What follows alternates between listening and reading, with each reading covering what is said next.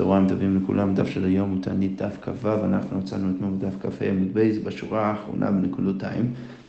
אמרנו במשנה שהיה איזשהו מעשה וגזרו תענית בלוד, ואז הגיעו הגשמים, אמ, ובגלל שזה הגיע לפני חצות, אז הם הבינו שהם יכולים, אה, אה, אה, הם לא צריכים בהכרח להשלים את הצום, הם יכולים בעצם לאכול בצהריים, ומסופר שם שקודם כל אכלו ושתו, ואז הם קראו את ההלל. אז הגמרא אומרת, ונאמר הלל מעיקר, אז למה הם לא אמרו קודם כל את ההלל, ורק אחרי זה, אה, ורק אחרי זה אה, אה, הלכו לאכול ולשתות. אז הגמרא אומרת, אביי ורבא דמית שרביו, אז באים אביי ורבא מתרצים את השאלה ואומרים, לפי שאין אומרים הלל, אלא על נפש שביה וכרס מלאה. אז כי, כי לא, לא, לא, לא מתאים להגיד הלל, אלא אם כן אתה שבע ויש לך אוכל בבטן וכבר אכלת ושתית. עכשיו רש"י אומר משהו מאוד מעניין, הוא אומר למה אנחנו יודעים שצריך אה, להגיד את ההלל על, על בטן מלא? בגלל, רש"י כותב, מתוך שכתוב בו נותן לחם לכל בשר. אז בגלל שכתוב בהלל נותן לחם לכל בשר, שזה כמובן לא מופיע אה, בהלל שלנו. אה, זה אומנם מופיע בהלל הגדול, אבל מעניין איזה גרסה היה לרש"י בהלל שלו ומה הוא מדמיין. בכל זאת, הגמרא באה ואומרת, ולכן כתוב במשנה שהם היו צריכים קודם כל ללכת לאכול. ורק אחרי זה לקרוא את ההלכה. אז כמו אומרת, הנה, האם זה באמת נכון? והרב פאפה יקלו לבית כנשנה דאבי גובר, אז, אז רב פאפה הגיע לבית כנסת של בן אדם, שכותב שם אדם או מקום, אה, אה, שנקרא אבי גובר, או אבי גובר, וגזר תענית וירדו להם גשמים, אז הוא גזר תענית, ואז הגשמים ירדו. עד חצות, והגשמים הגיעו בעצם לפני חצות. אז הגמרא אומרת, ואמר הלאה, ואחר כך אכלו ושתו, אז קודם כל אמרו עליה, ורק אחרי זה הם אכלו ושתו, אז אם אתה רוצה להגיד שתמיד צריך להגיד את ההלל על הבטן מלא, על הסובה, אז...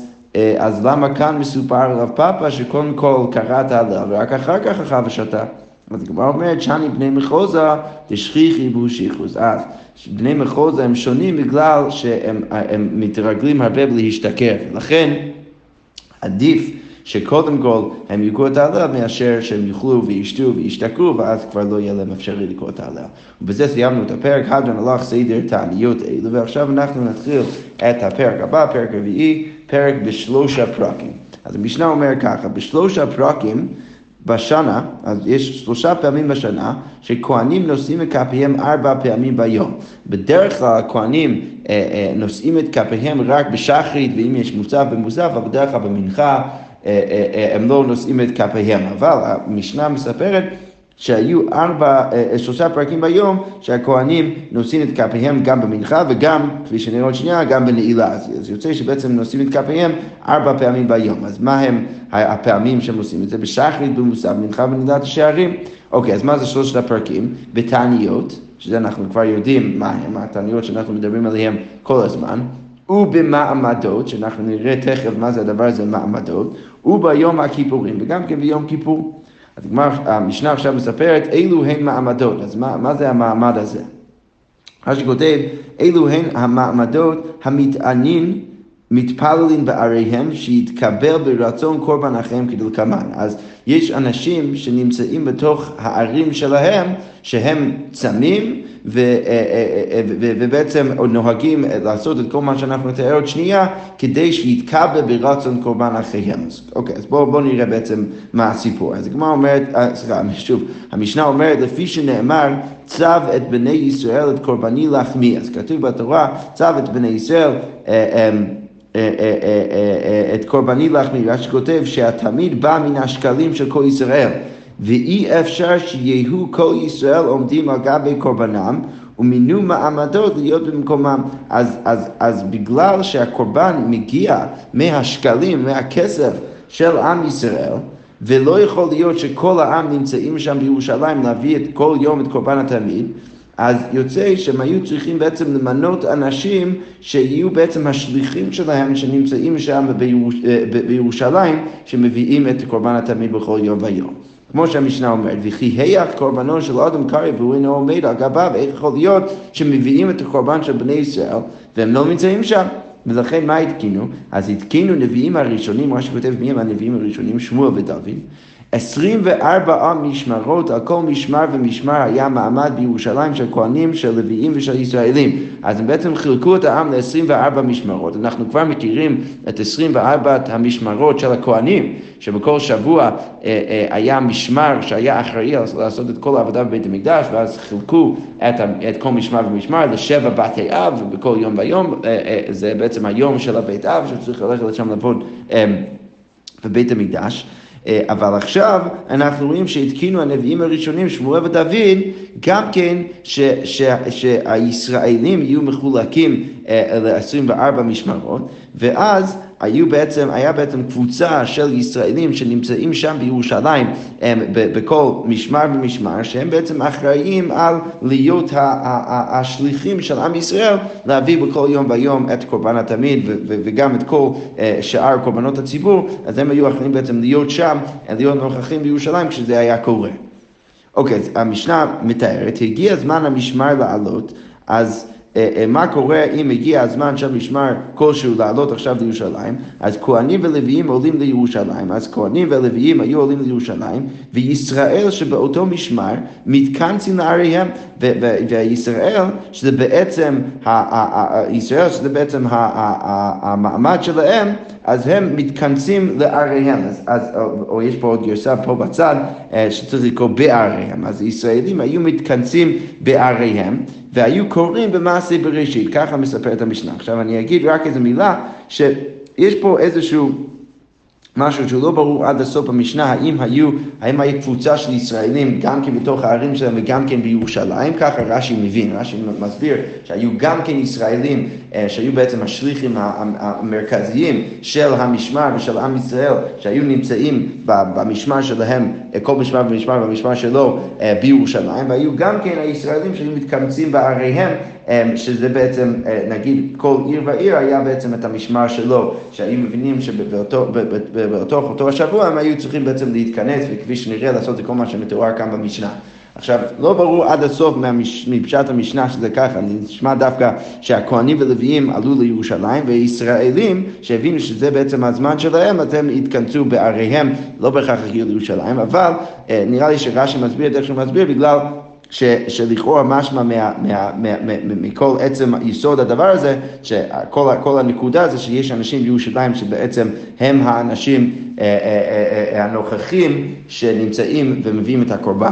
אז לכן לכאורה רש"י מסביר שהיו גם כן אנשים בירושלים וגם כן אנשים בתוך עריהם. בכל זאת, המשנה אומרת, אנשי המעמד היו מתענים ארבעה ימים בשבוע. אז אנשי המעמד, הישראלים היו צמים ארבעה ימים בשבוע, מיום ב', מיום שני ועד יום חמישי, ולא היו מתענים ערב שבת, מפני כבוד השבת, ולא באחר בשבת, כדי שלא יצאו ממנוחה ועונג ליגיע ותענג וימותו, כדי שהם לא היו צריכים אה, לצום ביום ראשון, כי אז יוצא שהם בעצם יוצאים ממנוחה ועונג והרבה אוכל בשבת, וישר ליגיע ושמחה, וזה יכול להיות מאוד מסוכן.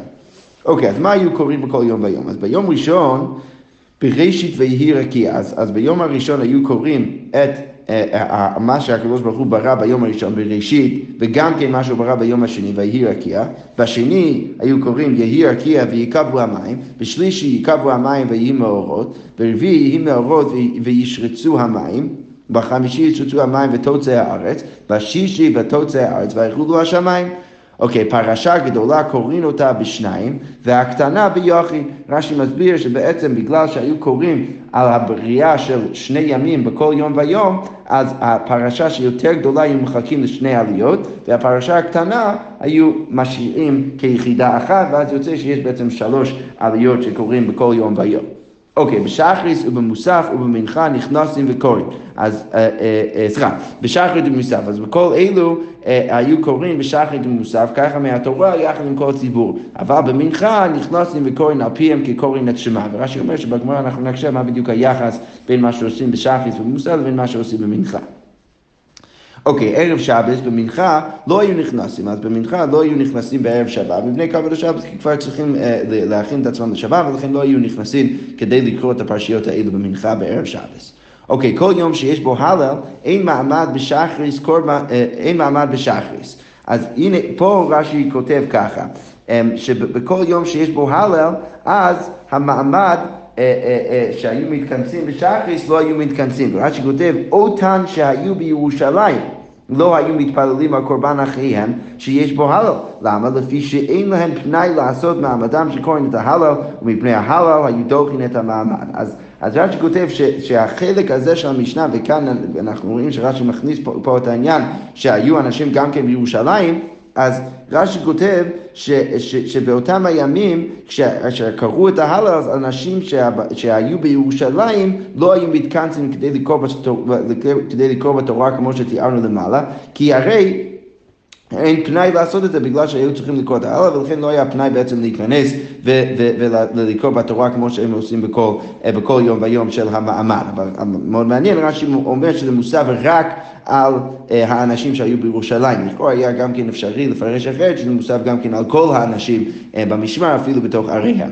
אוקיי, בכל זאת ממשיכה אה, המשנה ואומרת, בכל יום שהיה קורבן מוסף, אין, אין בנעילה, אז לא היו עושים את הקריאה בנעילה, כי ברגע שקוראים מוסף, אז, והיו צריכים גם כן להביא קורבן מוסף בבית המקדש, אז גם כן לא היה פנאי להיכנס, להתכנס בנעילה ולקרוא בתורה כמו שהיו רגילים לעשות במעמד, ואם היה קורבן עצים, שאנחנו נסביר תכף מה זה, אז אין במנחה, אז לא היו מתכנסים אה, אה, אה, לקרוא את התורה או לקרוא כל אחד ואחד אה, אה, כקריאת שמע לפחות, אה, לא היו עושים את זה במנחה כי לא היה פנאי בגלל שהיו צריכים להביא את קורבן העצים לפני המנחה. דיבר רבי עקיבא, כל זה שיטת רבי עקיבא, הגמרא אומרת, סליחה, המשנה אומרת, אמר לו בן עזאי, בן עזאי בא ואומר לרבי עקיבא, כך היה רבי יהושע שונה. אז רבי יהושע היה אומר את זה קצת אחר. קורבן מוסף אין במנחה, אז אם היה קורבן מוסף אז לא היו מתכנסים במנחה לקרוא בפסוקים האלה, ובנעילה כן היו עושים, כי אז היה פנאי בהמשך היום, וקורבן עצים אין בנעילה, ואם היה קורבן עצים אז כן היו עושים את זה במנחה, פשוט לא היו עושים את זה בנעילה, והגמרא אומרת, וואי, המשנה, סליחה, אה, חזר רבי עקיבא להיות שונה כבן עזאי. אז רבי עקיבא חזר להיות שונה כבן עזאי. אוקיי, זמן עצי כהנים והעם תשעה. עכשיו שאנחנו דיברנו קצת על, על קורבן העצים, אז בואו נבין קצת מה זה. אז רש"י מסביר שזה בעצם היה דבר ש, אה, אה, ש, שבתשעה פעמים בשנה היו מביאים מה שנקרא קורבן העצים, והיה איזושהי משפחה מביא, שהייתה מביאה מלא מלא עצים לבית המקדש, והיו בעצם, היו, היו מקטירים או, או שורפים את העצים האלו על גבי המזבח, ולא משנה כמה עצים זה היו, אפילו אם זה היה יותר ממה שהיה צריך, אז היו בעצם מקריבים את זה בתור קורבן על גבי המזבח. אז המשנה מספר ככה, באחד בניסן בני ערך בן יהודה, אז האנשים האלו הם הביאו, רש"י כותב בראשונה ש, ש, שחזר הגולה ובנו את בית המקדש, את הבית השני, אז המשפחה הזאת, בני ערך בן יהודה, הביאו באחד בניסן את כל העצים שהיו צריכים, וסיפקו את העצים לבית המקדש עד עשרים בתמוז. ולכן המשנה ממשיכה ואומר, בעשרים בתמוז בני דוד בן יהודה. אוקיי, בחמישה באב בני פרעוש בן יהודה, בשבע בו בני יונדב בן רחב בן רחב, בעשרה בו, אה, דהיינו, אה, אה, אנחנו עדיין באב, בעשרה בו בני שנאה בן בנימין, בחמישה עשר בו בני זתו בן יהודה, ועמהם כהנים ולוויים וכל מי שטעה בשבטו ובני גונבי עלי ובני קוצאי קציעות. אז כל האנשים האלו הגיעו יחד לכאורה עם בני זתו בן יהודה והביאו את, העצים בחמישה עשר בו, בחמישה עשר באף. ואנחנו uh, נראה בגמרא מה בדיוק היחס בין כל האנשים האלו ביחד. אוקיי, okay. ממשיכה המשנה ואומר, בעצם בו בני פחת מואב בן יהודה, בעצם באלו בני עדין בן יהודה, באחד בטבת שבו בני פרוש שנייה, אז בני פרוש הביאו גם כן באחד בטבת, שזה ראש חודש טבת, כמובן גם כן אה, אה, ראש חודש חנוכה, באחד בטבת, ולכן המשנה מתארת שבאחד בטבת לא היו בו מעמד, אז לא היה בו באותו היום מעמד בכלל. למה? כשהיה בו גם כן הלאה וגם כן קורבן מוסף וגם קורבן עצים, ולכן לא היו מתכנסים כלל, לא בשחריס, לא, אה, לא במוסף, לא במנחה ולא בנעילה, כדי לקרוא את הפסוקים שאמרנו אותם למעלה במשנה. אוקיי, אז אם כבר מדברים על אירועים אה, אה, אה, משמעותיים ותאריכים משמעותיים בהיסטוריה של עם ישראל, אז המשנה אומרת, חמישה דברים יראו את אבותינו בשבע עשר בתמוז וחמישה בתשעה באב, אז היו חמישה דברים שקרו לאבותינו בשבעה עשר בתמוז וחמישה דברים שקרו בתשעה באב. בשבעה עשר בתמוז מה קרה בשבעה עשר בתמוז? המשנה מספרת, קודם כל נשתברו הלוחות כמו שמופיע בחומש, הוא בטל התמיד, גמרא אומרת, רש"י אומר פה בצד, לפי שגזרה המלכות גזירה, אז, אז, אז, אז היה כבר אה, לא אפשרי להביא את קורבן התמיד מאותו היום והלאה, והובקעה העיר, ושרף אפוסטומוס את התורה. אז חמשת הדברים, עזרה ועוד אחד, והעמיד צלם בהיכל.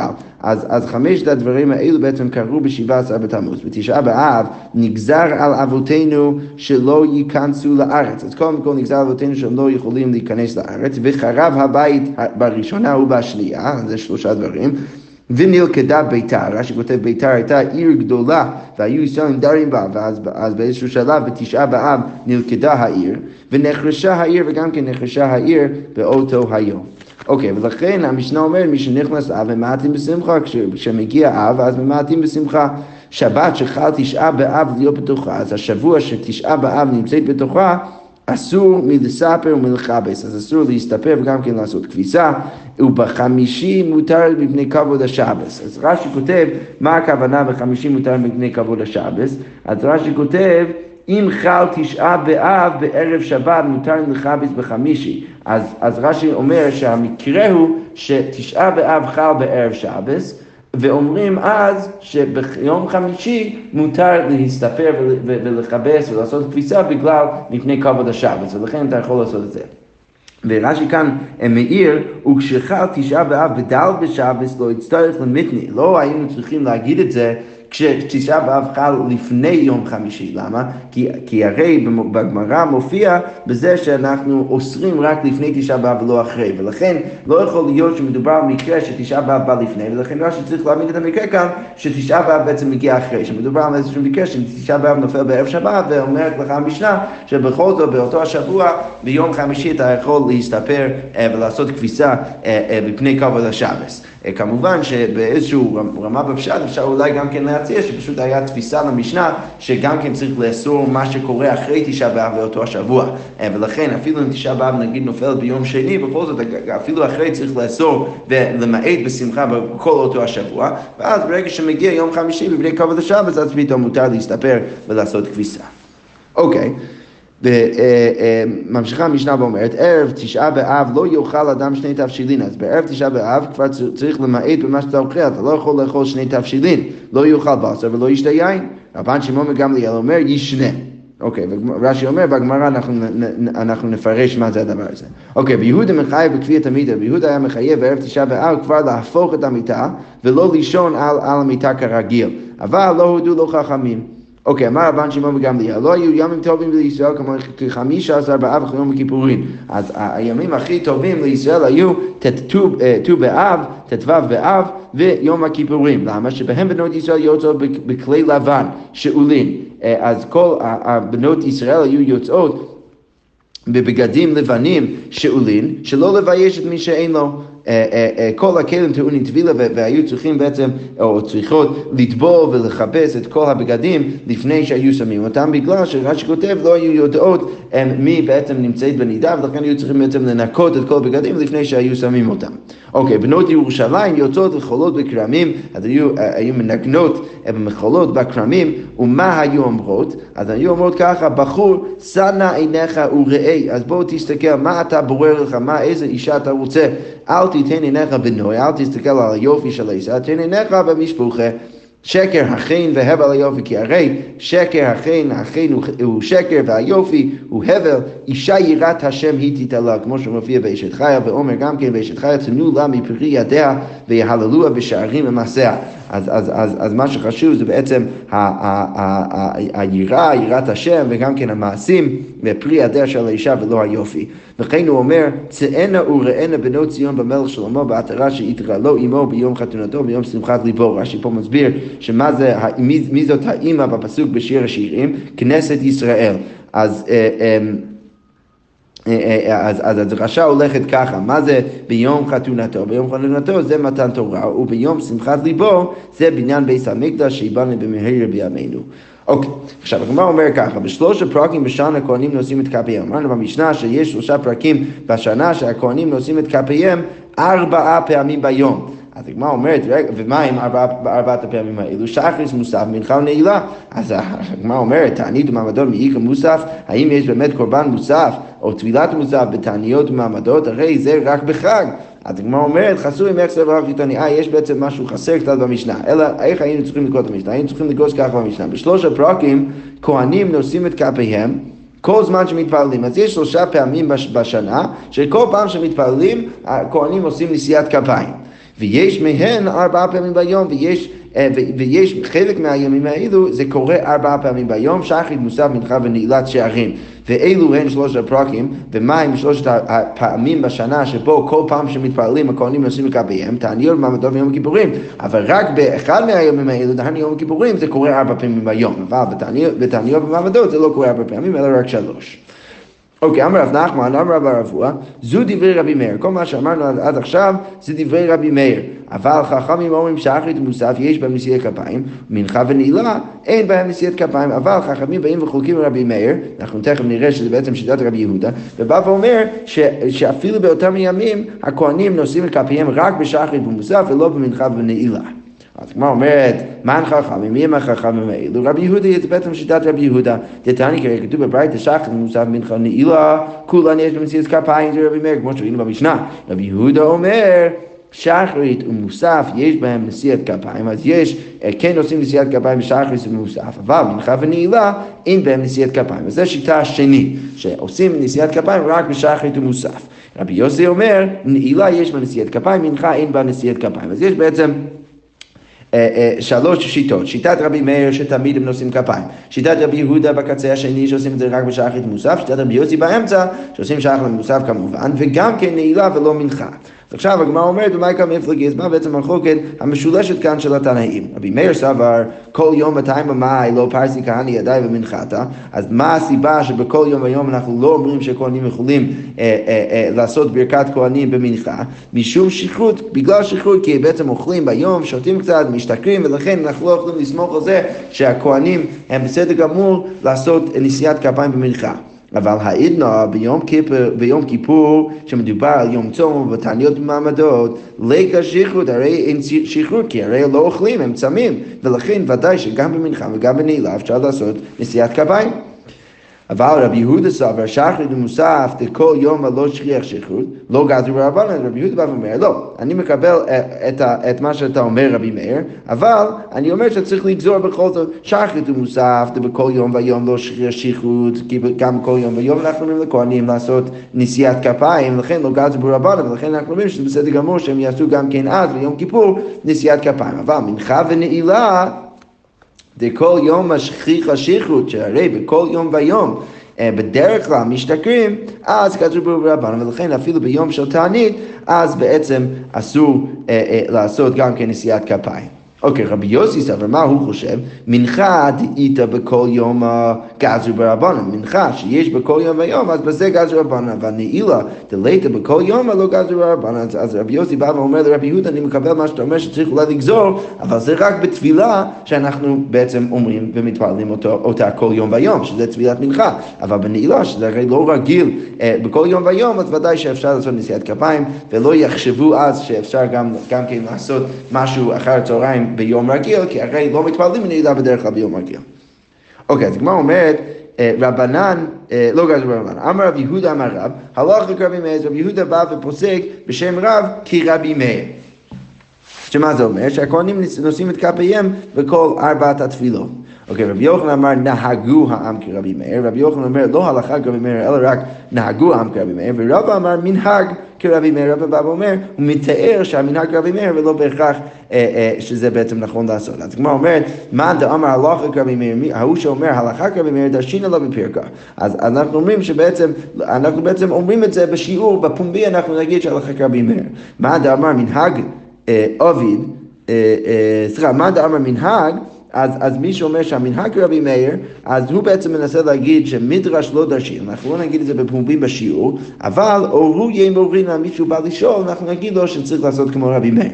אוקיי, מה דאמר נהגו, וההוא שאומר שנהגו לעשות כמו רבי מאיר, אז לא רק שבשיעור בפומבי לא נגיד את זה, אלא גם כן, או רוגי לא מורינן, אפילו להגיד למישהו שבא ושואל אותנו, אנחנו לא נגיד, אבל אי עביד, עביד ולא מהג'רינן, אז אם הוא עושה את זה, אז הוא יעשה את זה, ואנחנו לא נחזור אותו, אנחנו לא נגיד שהוא צריך עכשיו לעשות את זה אחרת. אז בעצם שלושה דרגות של פסיקה, בין, ש, או שאפשר בעצם לפסוק כשיטה מסוימת, או שאפשר אולי להגיד שאנחנו לא פוסקים את זה אבל אם מישהו בא לשאול בפרטי אנחנו נגיד לו לעשות את זה, או שאפילו להגיד לו בפרטי אנחנו לא נגיד, אבל אם הוא עושה את זה אז זה בסדר גמור בדיעבד, אנחנו לא נגיד לו שהוא צריך לחזור על מה שהוא עשה לפני כן. אוקיי, okay, אז כל זה בעצם אבל בהנחה שאנחנו אולי פוסקים אה, אה, בכיוון של רבי מאיר, אבל רב נחמן אמר הלכה כרבי יוסי. אז רב נחמן בא ואומר שההלכה כרבי יוסי וההלכה כרבי יוסי, באמת ההלכה כרבי יוסי, שאנחנו נושאים את, את הכפיים רק בנעילה ולא במנחה אחר הצהריים. אוקיי, ולכן הגמרא עכשיו שואלת, אם אתה מניח שהלכה כרבי יוסף והעידנא, מהי תימא פרסי כהני ידיים במנחת ותענית? למה במנחה בתענית, מעניין, הגמרא מתארת איזושהי מציאות או נורמה שהיא כבר מכירה, ש, שכן נושאים את כפיהם הכהנים במנחה בתענית, ולכן הגמרא שואלת, אם אנחנו פוסקים כרבי יוסי, למה אנחנו עושים את זה? אז הגמרא אומרת, כיוון דבסמל לשקיעת החמה כפרסי כתפילת נעילה דמיה, בגלל שבסוף הרגע, השעה שבו מתפל, שבה מתפללים מנחה ותענית היא סמוך לשקיעת החמה, כמו נעילה, שבדרך כלל מתפללים נעילה ביום כיפור סמוך לשקיעת החמה, אז יוצא שהמנחה ותענית זה כמו נעילה, ולכן אה, בעצם אפשר אה, אה, לעשות נשיאת כפיים ולעשות ברכת כהנים אז במנחה בתענית. עכשיו, יש בעצם שאלה יסודית פה, מה, מה יסוד ההתר? האם ההתר הוא בגלל הזמן, ש, שמנחה זה בעצם הופך להיות סוג של מילה בגלל שזה סמוך לשקיעת החמה, ולכן אז אפשר לעשות אה, אה, אה, אה, נשיאת כפיים, כי אתה לא חושש לזה שביום רגיל הם יעשו את זה גם כן בגלל שבדרך כלל מתפללים מנחה יותר מוקדם, או, או האם או האם זה פשוט בגלל השינוי, האם זה פשוט בגלל שאתה משנה את הזמן. אז השאלה היא האם זה בגלל השינוי, או האם זה בגלל שזה דומה לנעילה ועושים את זה לפני שקיעת החמה. יש בזה נפקא מינה, מה קורה אם אתה מתפלל מנחה בצום יותר מוקדם ממה שהיית מתפלל את זה אה, בצהריים. אם אתה אומר שהצד הוא שרק, שאתה צריך רק שינוי, אז יוצא בסדר גמור, אתה יכול גם כן לעשות נשיאת כפיים וברכת כהנים אה, גם כן אה, יותר מוקדם. אם אתה מתפלל מנחה בדרך כלל יותר מוקדם מאיך שאתה מתפלל את זה בכל יום ביום, ביום צום, אז אפשר גם כן לעשות נשיאת כפיים. אבל אם אתה אומר שזה מדין נעילה, כי אז זה בעצם יוצא סמוך לשקיעת החמה, ורק אז אתה יכול לעשות נשיאת כפיים, אז יוצא שאם אתה מתפלל מנחה יותר מוקדם ממה שאתה בדרך כלל מתפלל אותו ביום צום, אז יוצא שאתה לא היית לכאורה יכול לעשות את הנשיאת כפיים. אוקיי, בכל זאת, הגמרא ממשיכה ואומרת, כולי עלמא מיד שיכור עשו בנשיאת כפיים. רגע, אז כל הסוגיה אנחנו מניחים בה עד עכשיו, שבן אדם שהוא שיכור אסור בנשיאת כפיים. המינונים מילים, מאיפה אנחנו יודעים את זה? אז הגמרא אומרת, אמר בשביל בן לוי בשביל בר כפרה, למה נסמכה פרשת כהן מברך לפרשת נזיר? למה יש uh, סמיכות בין uh, uh, ברכת כהנים לבין פרשת נזיר? לומר לך, מה נזיר עשו ביין, אז אף כהן מברך עשו ביין, אז כמו שנזיר עשו ביין, כמו כן כהן מברך עשו ביין. אז כמו אומרת, מה תקיף לא אהבו? עד רבי זיירא ואמרי לרב אושיה בר זבדא, אז מקשים על הרעיון הזה ואומרים, אם הנזיר אסור בחרצן, הרי הנזיר לא רק שאסור לשתות יין, אסור לו גם כן לאכול שום דבר שקשור בכלל לענבים, אפילו הגרעינים. אז אולי אתה תצא להגיד, כמו שהנזיר אסור בחרצן, אז אף כהן מברך אסור בחרצן, אז כמו כן הכהן מברך אסור בחרצן. אז כמו אומרת, לא אמר רבי יצחק, אמר כה, לשרתו ולברך בשמו. כתוב אה, בפסוק בדברים, אה, אה, לשרתו ולברך בשמו, שזה בעצם התפקיד של הכהן. אז מה משרת מותר בחרצן? כמו שהמשרת מותר בחרצן, ואנחנו יודעים שהוא אסור רק להשתכר ביין, אבל בחרצן הוא מותר. אז אף כהן מברך מותר בחרצן, אז כמו כן הכהן מברך מותר בחרצן. אבל הגמרא אומרת, אם המשרת בעל מום לא, אף כהן מברך בעל מום לא. אז הגמרא אומרת, רגע, אבל אם אתה רוצה להגיד ככה, אז אולי אתה צריך להגיד שכמו שכהן משרת בבית המקדש אסור בבעל מום, אז כמו כן, גם כן בעל מום אסור לעשות נשיאת כפיים ולברך ברכת כהנים. אז הגמרא אומרת, לא, ההתקש לנזיר, ובשביל זה יש לנו את ההקש לנזיר, שאין שום אה, אה, אה, הגבלה של בעלמום בנזיר, ולכן אפשר להבין שהכהן מברך הוא, הוא, הוא, הוא, מותר אפילו אם הוא בעלמום. אבל בעצם מה יוצא? יוצא שבעצם מה שלמדנו מנזיר, זה שהוא יכול להיות בעמום, ואומנם אסור לו להיות שיכור, ומה שלמדנו בעצם מזה שהמברך הוא קשור למשרת, זה שהוא בעצם מותר בחרצן ואסור רק ביין. אז יוצא בעצם שלמדנו שני דברים לכולה, אולי לכאורה היינו צריכים לעשות הפוך וללמוד שני דברים לחומרה. מה יכולתי למה עכשיו לכולה? הקיש לחומרה, לכאורה אולי היינו צריכים ללמוד מנזיר דווקא שאסור בחרצן, ומהמשרת שהוא אסור אה, בבעמום. אז הגמרא אומרת, לא, זה לא נגיד, כי אסמך לנו מדרבנן, כל זה מה שאמרנו עכשיו מהפסוקים זה רק מדרבנן, ולכן אנחנו לומדים את הכל לכולה, ויוצא שהוא מותר בחרצן, וגם כן אה, מותר אפילו בעמום לכהן מברך. אלא שרק אסור לו אה, להשתכר. שכוח.